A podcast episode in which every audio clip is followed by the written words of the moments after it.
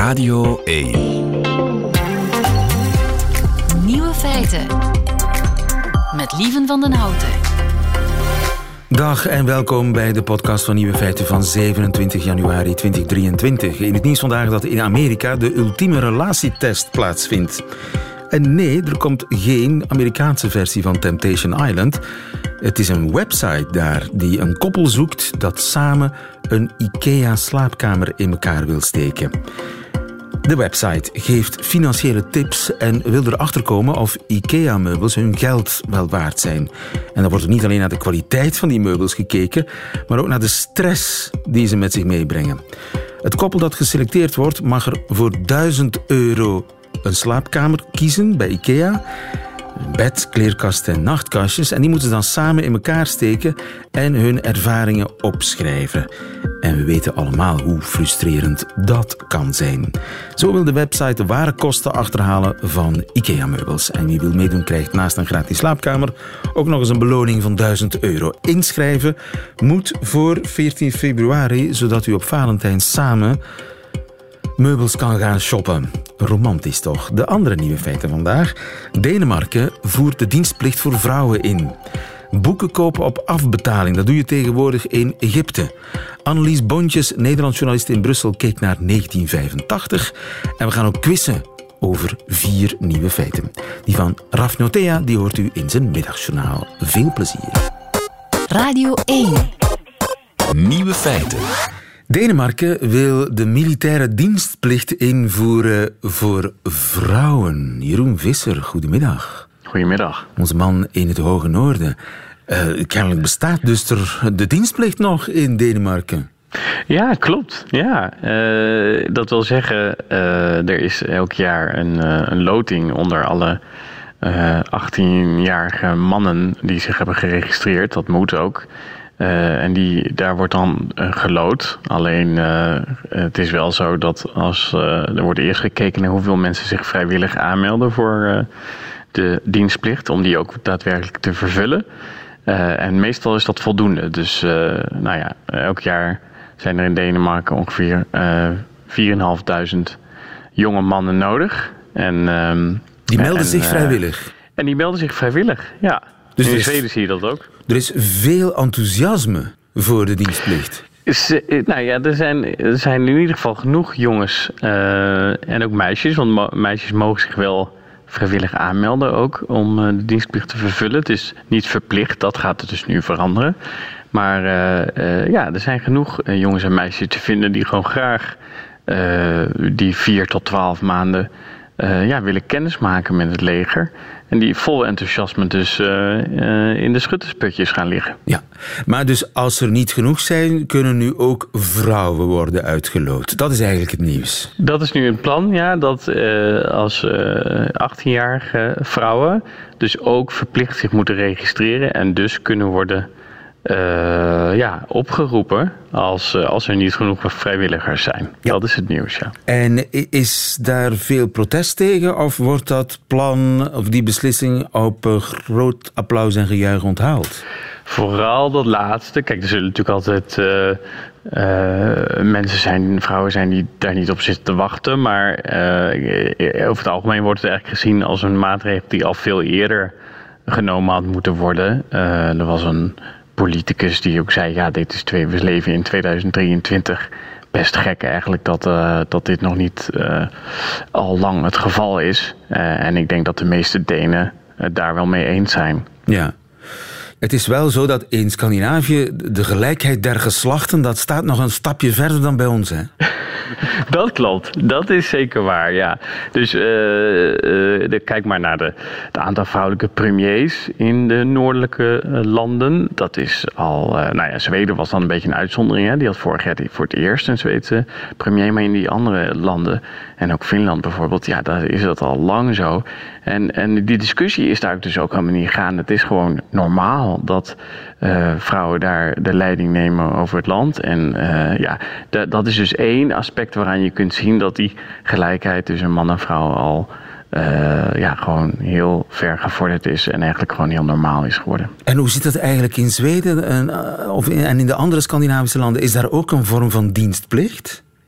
Ja, en Zweden heeft uh, de dienstplicht zelfs weer heringevoerd. Dus die waren daar een tijdje mee gestopt. Hè? Dus uh, begin van uh, deze eeuw. En na de, de overname van de inname van de Krim in 2014 heeft het Zweedse parlement besloten om de dienstplicht weer in te voeren. Nou ja, dat Voor mannen? nooit helemaal. Uh, nee, nou, dat is het leuke ervan. Toen ze hem weer hebben ingevoerd, of de opschorting ervan, uh, dat was natuurlijk tijdelijk, uh, daarmee, dat toen ze daarmee gestopt zijn, hebben ze een wijziging in de wet doorgevoerd.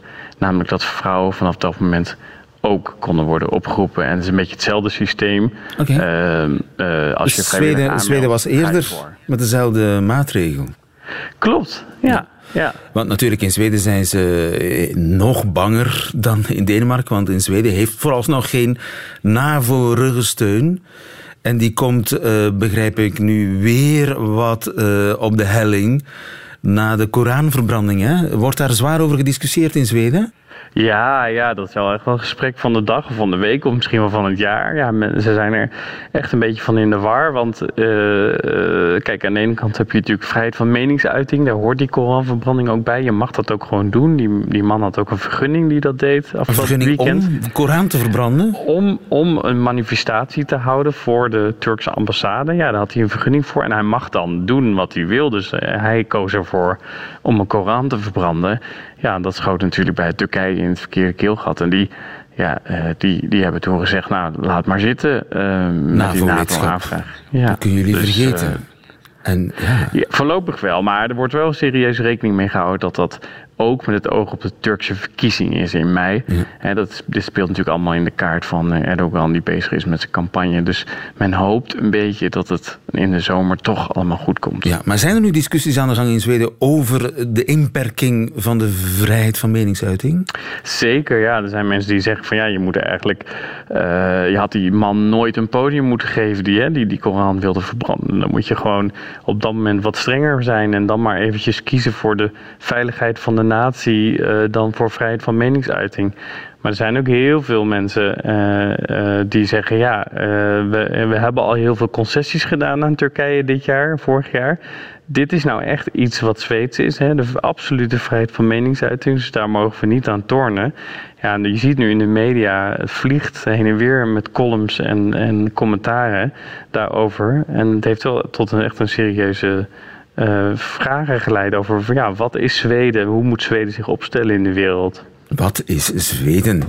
Uh, dilemma in uh, Zweden, maar het is geen dilemma naar het leger als vrouw of niet, want dat is gewoon verplicht. In, in Denemarken nu ook, binnenkort. Jeroen Visser, dankjewel. Goedemiddag. Nieuwe feiten.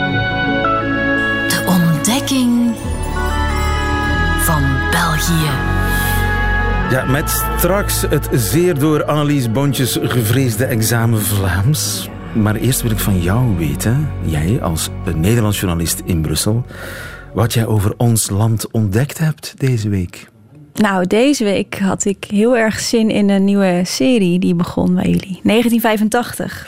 Juist, heb je gekeken? Natuurlijk heb ik gekeken, ja. 1985, nieuwe serie co-productie. Een co-productie, ja, tussen de VRT en de RTWF. En iWorks, Nederlands productiemaatschappij, was er ook bij betrokken. Dus ik dacht, dat kan niet beter, over de bende van Nijvel.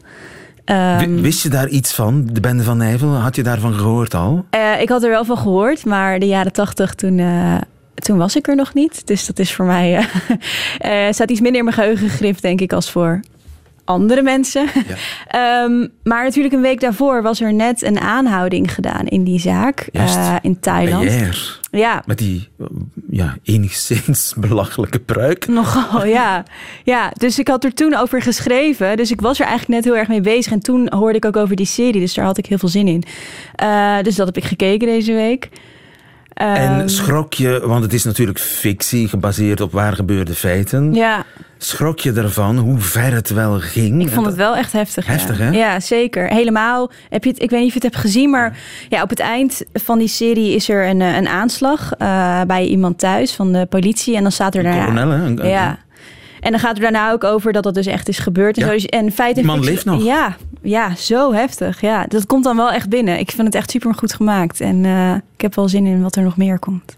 Ja, maar Wat is je daar nog het meest bij opgevallen? Nou, wat mij het meest opviel was dat ik die serie keek bij de VRT. Maar, ehm, en dan heb je ondertiteling, wat eh, op zich best fijn was, Nederlands ondertiteling. Maar als je die serie kijkt bij de RTBF... Laten we eens de vergelijking maken. Dus zo klinkt ze bij ons. Ah, ik dacht dat je nogthans voor mij aan het dansen waart. Uw zotte vriend is hier. Ga uit. Zoals je het vieren. Als je maar niet denkt dat ik om u kom als een ander zijn plons weer springen, hè. Hey, dat ik altijd content ben van iets zien, madame. Ik zie je ook graag, jongen. Mark. Sorry voor mijn ma. Nee, dat is niet erg. Hey, ik vind dat wel geil, zo'n uniform zo. Ik heb dat wel gehoord, hè, Frankie. Sorry, Anja, het was eruit voordat ik het door had. Ja, dat is dan nieuw, dat. Overigens kun je dit accent thuisbrengen. eh, is, is, dat, is dat Gens? Ja! Ja? Yes. Ja, zie je ook graag, madame. Eh, ja, nou, ik ben wel blij dat er ondertiteling was hierbij. Want hier, hier maak ik nog niks van. eh. Ja, overigens, we gaan het nu eens luisteren hoe het aan... Dit, dit, dit- zo klonk het dus op mijn en jouw televisie. Ja. Maar hoe klonk het in Wallonië? Dire que je croyais que c'était pour moi, tous ces déhanchements. Ton copain bizarre est là. Tu sors On fête notre départ. Du moment que je dois pas venir te chercher parce que l'autre débile a pété un plomb, Je suis content de vous voir, madame. le plaisir est partagé. Marc, ça va, mec? Fais pas gaffe. Non, t'inquiète. J'aime bien son petit uniforme, c'est mignon. Ça met en valeur, ça. Je t'ai entendu, Francky. Désolé, Agnès, j'ai pas pu m'empêcher. Ja, en, en, dan weten dat Barbara Sarafian, de actrice die, in de, in, die, de- die die rol speelt, dat Ja. die eigenlijk perfect tweetalig is. Dus ze had eigenlijk zichzelf Is dat kunnen, zo? ze had zichzelf kunnen dubben. Maar eh, ja, van, van de originele eh Aimé Klaas en Tijmen Govaert, die die twee jongens spelen, schiet niet veel over. Hè? Nee, nee, dat is gedubt inderdaad. Ja. Waardoor het toch veel verliest. Ja, nou dat lijkt mij wel. Ik was daar wel verbaasd over dat dat gebeurt. Maar blijkbaar is dat wel normaal en gebeurt dat vaker.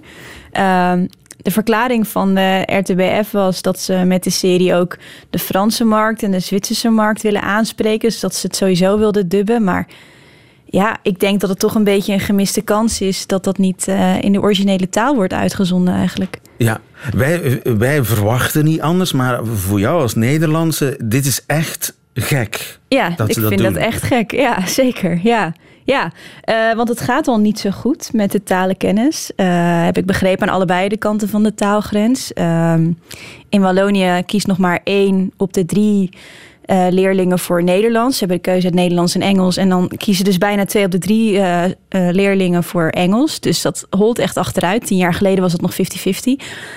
En ook in Vlaanderen ehm, leidt het Frans. Het is heel moeilijk om Franse docenten te vinden. Eh, dus ja, ik denk dat je met zo'n serie juist eh, een brug kan slaan en eh, die kennis wat kan vergroten. Ja. Plus, ja, die serie doet heel erg zijn best om zo authentiek mogelijk eruit te zien. Ik bedoel, je bent echt in de jaren tachtig. Je zit er echt middenin. Die dialogen zijn Frans en Nederlands door elkaar, zoals het in werkelijkheid ook is. En dan ga je eigenlijk de werkelijkheid geweld aan doen Ja, door, door iedereen Frans te laten praten. ja dat is Beetje echt raar, hè? Ja, dat is een beetje raar. Ja.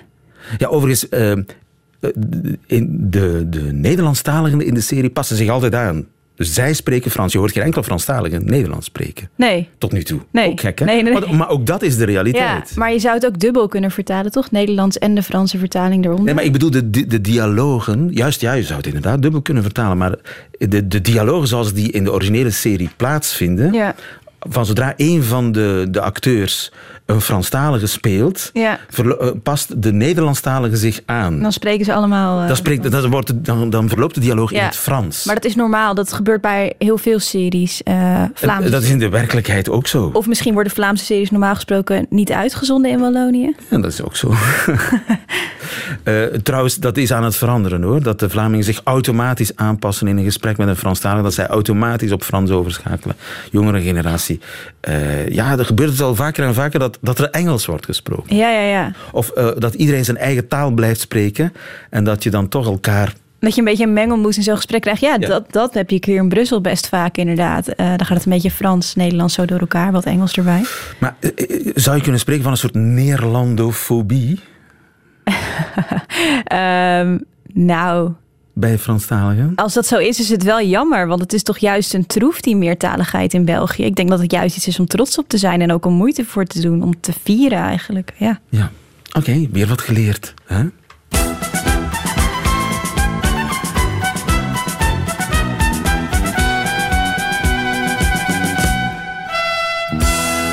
Examen Vlaams. Ja, ik zit hier. Ik heb hier, denk twintig vragen, dus we kunnen. Ik ga, ik ga iets heel simpels vragen. Wat is zagen? Zeuren. Juist, die wist je. Ja, Wauw. Je bent al eh, behoorlijk aangepast. Toekomen. En dan niet in de betekenis van aankomen, maar er is een tweede betekenis van toekomen. Ehm, maar als je ergens he- heen gaat, dan zeg je ik kom af, toch? Ik kom af. Ja, Ja, ja, maar ja. dat is iets anders. Dat is afkomen. Ja, oké. Dat is afkomen, goed. Maar ik, ik reken hem goed. Eh, toekomen. Ja. Ik weet, het niet. Het wordt je wel eens gevraagd, zal je toekomen? Zal je daarmee toekomen? Oh, eh, of het genoeg is of zo? Ja. met geld of zo. Je, eh. met alles kom oh, je oké. toe. Ja, ja, ja. Als je iets koopt, ga je toekomen. Nee, het is niet genoeg. Ik ga niet toekomen. Ah, oké. Ja. Dat is echt heel algemeen Vlaams. Oké. En dan een woord die gek genoeg terugkwam in zowel de, de gedubde versie als de, de Nederlandstalige versie. Dus dat moet Die- ik weten, bedoel je? Ja, plons. Eh, Ik ga er niet bij zijn als zijn plons weer springen. Hoorde je Barbara Sarafia Als zij plons weer springen. Ja. En dan eh, eh, het woord eh, eh, les plons kwam terug in. Dus het is een Frans woord dat de Vlamingen... Ja, Als zij plons weer Plons. springen. Ja die kunnen springen, plons. Oh, hè? Eh. I- nou, Doe een gok. ehm, ja, wat kan springen? Als iets springt. eh, ik weet, ja. ehm, Als die jongen weer uit zijn vel springt, als die... Als die als hij boos, als hij boos wordt. ja, dat, dat bedoelt ze, maar een plon is een zekering. Oh, iets. Oh, echt? Oké. Dan, dan knapt er is- letterlijk. Dan knapt er iets. Als de plon weer springt. ja, de plon is gesprongen. Oh, dat vind ik echt een hele leuke. Ja. Als de plon is gesprongen, is de zekering uitgevallen. Is de zekering gesprongen. Oké, oké. Je leert snel, Annelies. Dankjewel. Nieuwe feiten.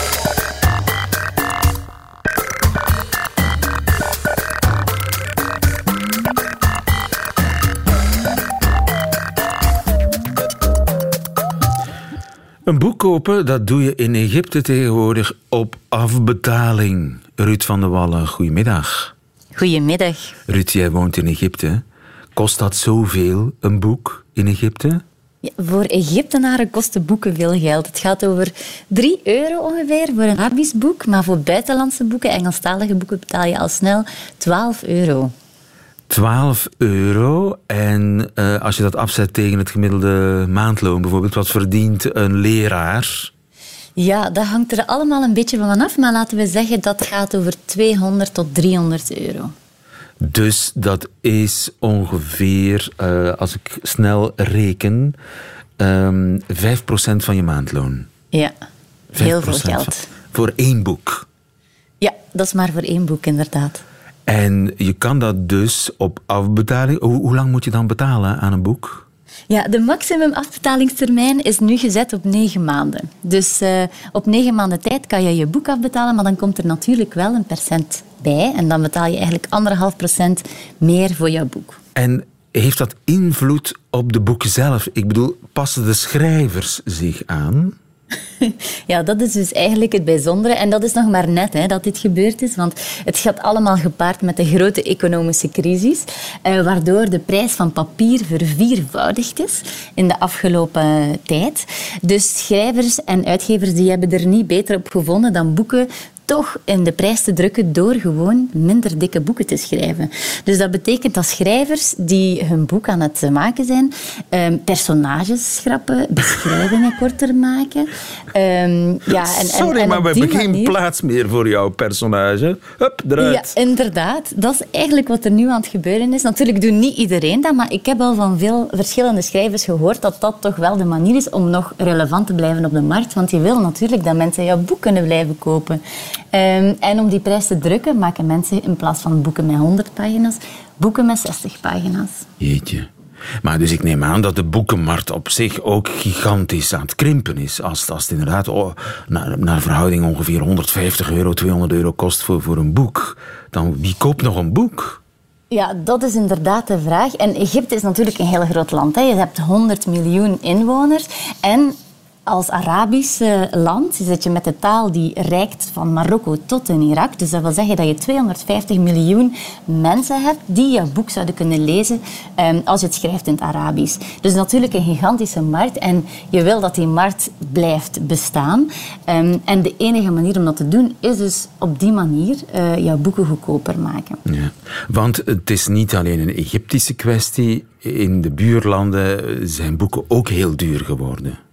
Ja, en dat komt inderdaad. En dat komt omdat de dollarprijs... Uh, in, dat is niet in alle landen zo. Hè. Egypte en Libanon bijvoorbeeld zijn landen waar enorme economische crisissen aan de gang zijn. Libanon nog erger dan Egypte. En dat betekent dat je nationale munt je enorm devalueert tegenover de dollar, waardoor dat alles wat jij invoert, zoals papier, zoals inkt, dat dat allemaal veel duurder wordt tegenover het lokale geld. Over welk percentage spreken we dan qua inflatie? Ja, um, dat is enorm. In Egypte is um, de Egyptische pond is in een jaar tijd met de helft gezakt in waarde. Dus als je vorig jaar 1000 euro op jouw bankrekening had staan, dan is die nu nog maar 500 euro waard. Dus dat is massaal. En uh, hoe komt dat? Is dat de oorlog in Oekraïne? Dat zegt de regering in Egypte. Dus de regering van president Sisi die steken die economische crisis heel graag op de ja, wereldwijde crisis, die zeker ook speelt in, eh, in de Arabische wereld. Maar wat er eigenlijk gebeurd is, is dat uh, Egypte afgelopen uh, zes jaar vier verschillende IMF-leningen heeft aangegaan. En die um, buitenlandse ja, valuta, die hebben zij eigenlijk vooral geïnvesteerd in hele grote bouwprojecten president Sisi heeft een nieuwe hoofdstad gebouwd. Um, twee uur rijden buiten Cairo. Dat is een enorm project. Ik ben daar zelf ook geweest. Dat is massaal, dat kost heel veel geld. Um, maar niemand woont daar, voorlopig nog niet. En dat is een project dat niet echt um, investeert in werk uh, of een beter onderwijs. Dus al die prestigeprojecten, zoals bijvoorbeeld een grote monorail, um, grote, enorme bruggenstelsels die hij uh, bouwt. Alleen in Cairo, als je rondrijdt, elke week is er wel ergens een nieuwe brug die wordt gebouwd. En dat zijn natuurlijk investeringswerken die heel zichtbaar zijn, waardoor de president daar ook mee kan uitpakken.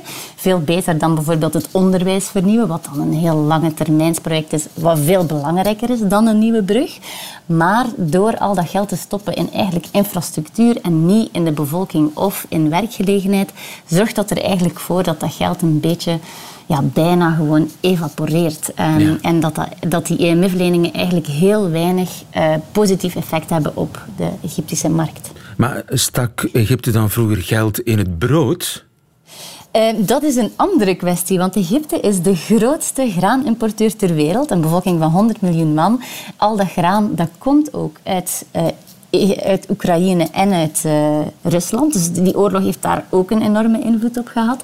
En omdat 60% van de Egyptische bevolking eigenlijk aan de rand van de armoedegrens leeft, is brood zeer belangrijk om mensen letterlijk in leven te houden. Dus dat brood wordt ook gesubsidieerd.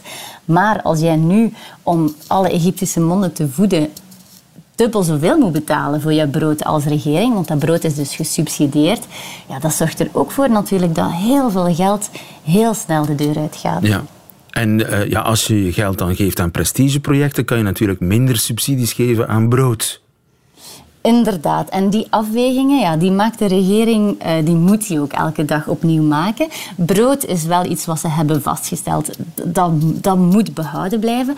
Maar ja, als zij moeten kiezen tussen een nieuw presidentieel paleis of uh, meer werkgelegenheid, dan is het zo dat de regering van president Sisi heel vaak uh, neigt richting prestigeproject. Ja. En pikken de Egyptenaren dat? Ja, dat is dus de grote vraag. Egypte is een dictatuur. Uh, er is geen vrije pers meer. Um, sinds dat Sisi aan de macht is, sinds 2013, heeft hij een enorm repressief regime ingesteld en mensen ook echt bang gemaakt. En dat doet hij op heel veel verschillende manieren.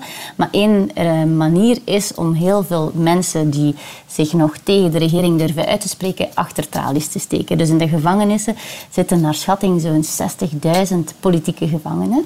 Um, en die vormen eigenlijk het voorbeeld voor de rest van de bevolking. Dus wat er gebeurt, en ik zie dat ook rondom mij, bij vrienden van mij, mensen die ehm, niet eens zijn met wat er gebeurt in het land, die gaan dat niet zomaar delen met de hele wereld. En dan zeker niet op social media bijvoorbeeld, op Twitter of op Facebook. Iets wat wel heel veel gebeurde vroeger en wat eigenlijk zelfs de aanleiding is geweest voor de revolutie die ondertussen twaalf jaar geleden uitbrak. De Arabische lente die begon in Egypte op 25 januari 2011.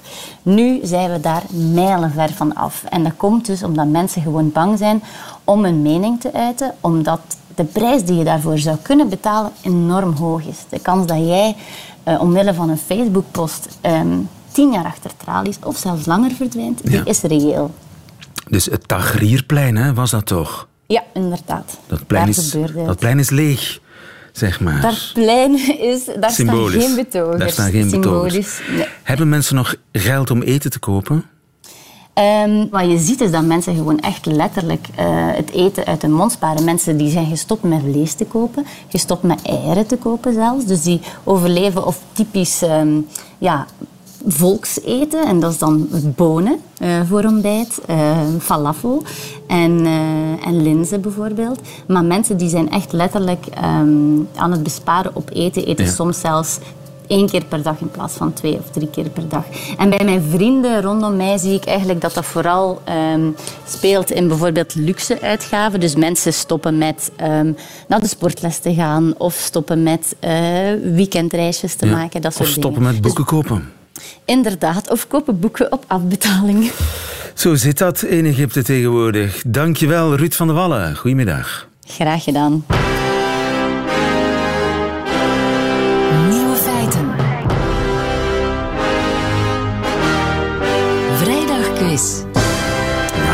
Tijd meer te verliezen. We moeten quizzen met dank aan uh, Gilles. Gilles Wijkmans van de redactie van Nieuwe Feiten, die weer een bikkelharde quiz heeft samengesteld. Goedemiddag, Gilles. Goedemiddag. We spelen met Elise. Goedemiddag, Elise. Elise uit Tremelo. Hallo, Tremelo. Ja. Tremelo is aanwezig. Ja. Wat was je aan het doen, Elise? Ik heb net een broodje gegeten. Smakelijk. We gaan meteen naar Jan. Je speelt tegen Jan. Dag Jan. Ja, hallo. Ja, ik uh, zit vierde.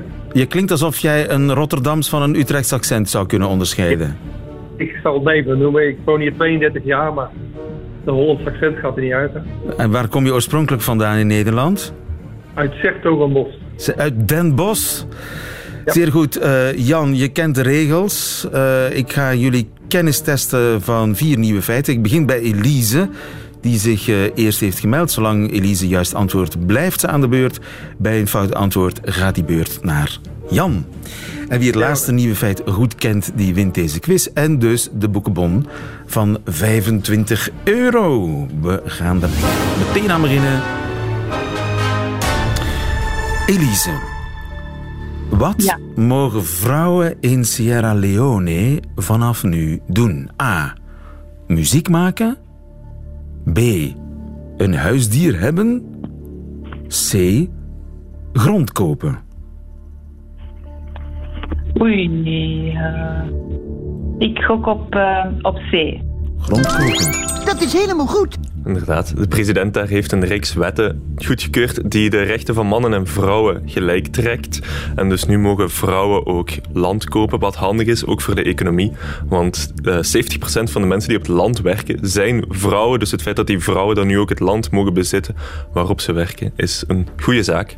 Sierra Leone. Vraag 2. We blijven bij Elise.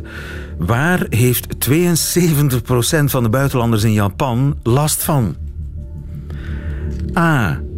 De treinen. Die zijn te stipt voor de Europeanen die er wonen. B. De slechte adem van Japanners. C. De hoogtechnologische Japanse toiletten. Die zijn te ingewikkeld. Elise. Um, ik weet ik, wij gaan nog eens voor C. Fout! Aha. Jan komt in de wedstrijd. Wat denk je, Jan? Ik denk de treinen. Je denkt de treinen? Fout!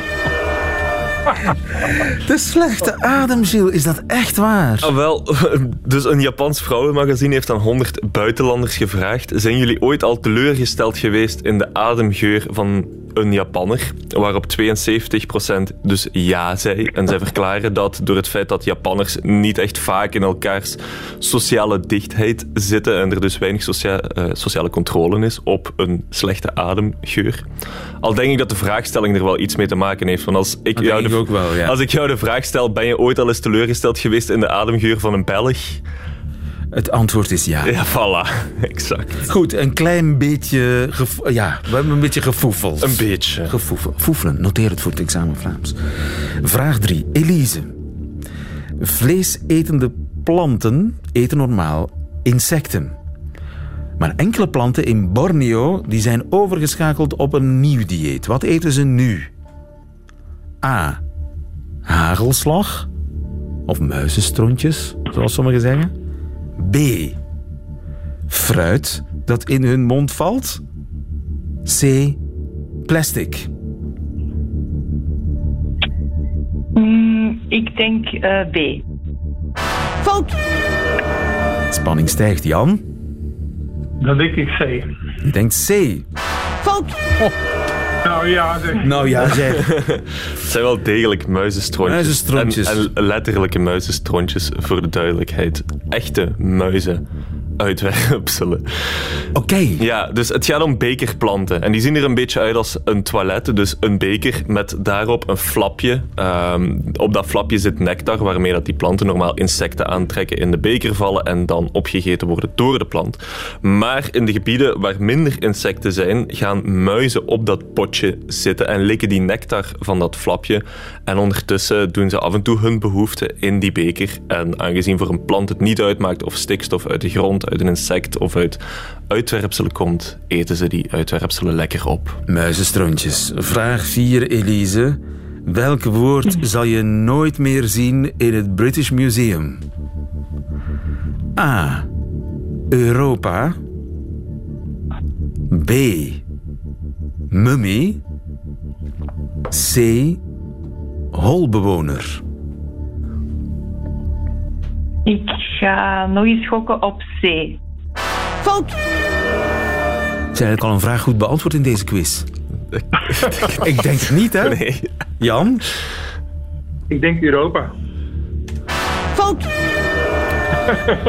Mummy. Mummy, inderdaad. Mummy is aangebrand. Ze hebben er natuurlijk een collectie mummies in de British Museum. Maar ze noemen die nu gemummificeerde personen. Want ze vinden het onrechtvaardig dat die mensen, en het waren ooit echte mensen natuurlijk, met een echt leven en vrienden en familie en noem maar op, dat die nu worden geminimaliseerd eigenlijk. Gereduceerd. Tot het, ja, gereduceerd tot, tot, het, het product. Ja, waar ze uiteindelijk in beland zijn. Dat betekent dat volgens mij niemand... In, in mijn... We hebben een winnaar zonder een juist antwoord te De winnaar is Elise.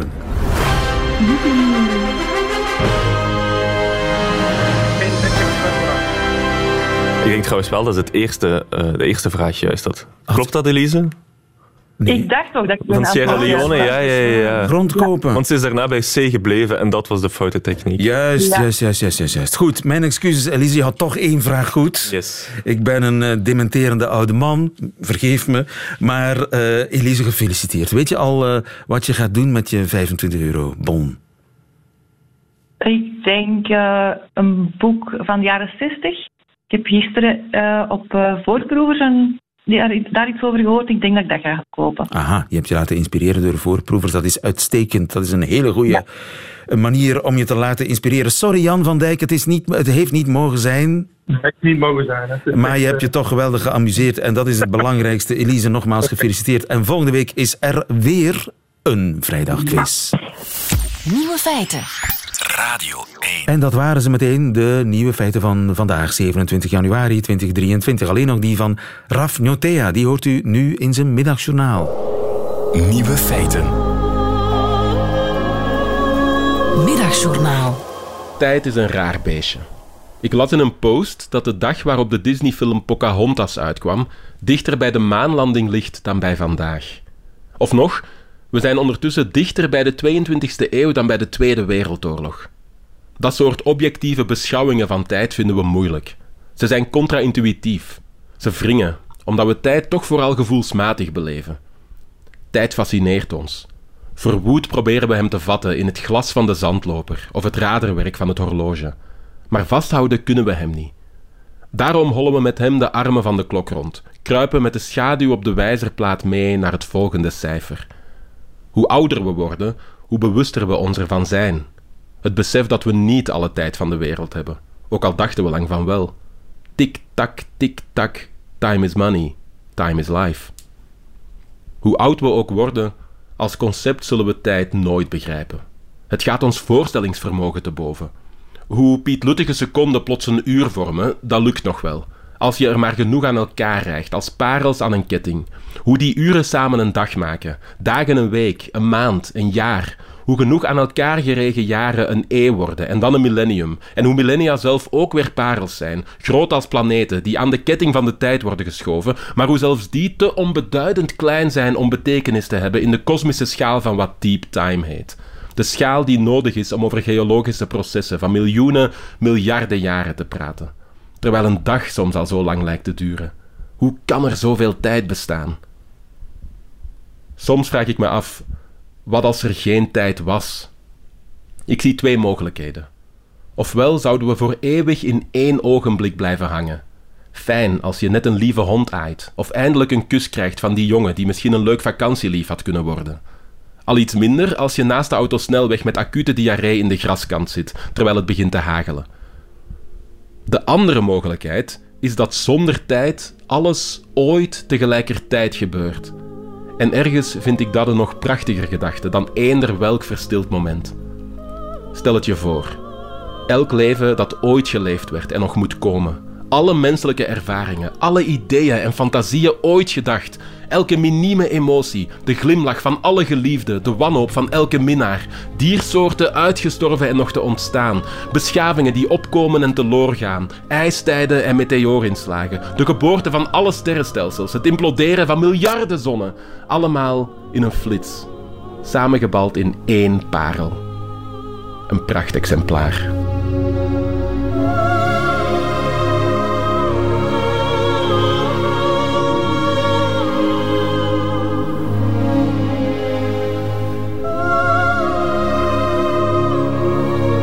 middagjournaal met en van Raf Njotea, die in een filosofische bui was vandaag. Einde van deze podcast hoort u liever de volledige nieuwe feiten met de muziek erbij. Dat kan natuurlijk live elke werkdag tussen 12 en 1 op Radio 1 of on demand via de website of de app van Radio 1. Tot een volgende keer.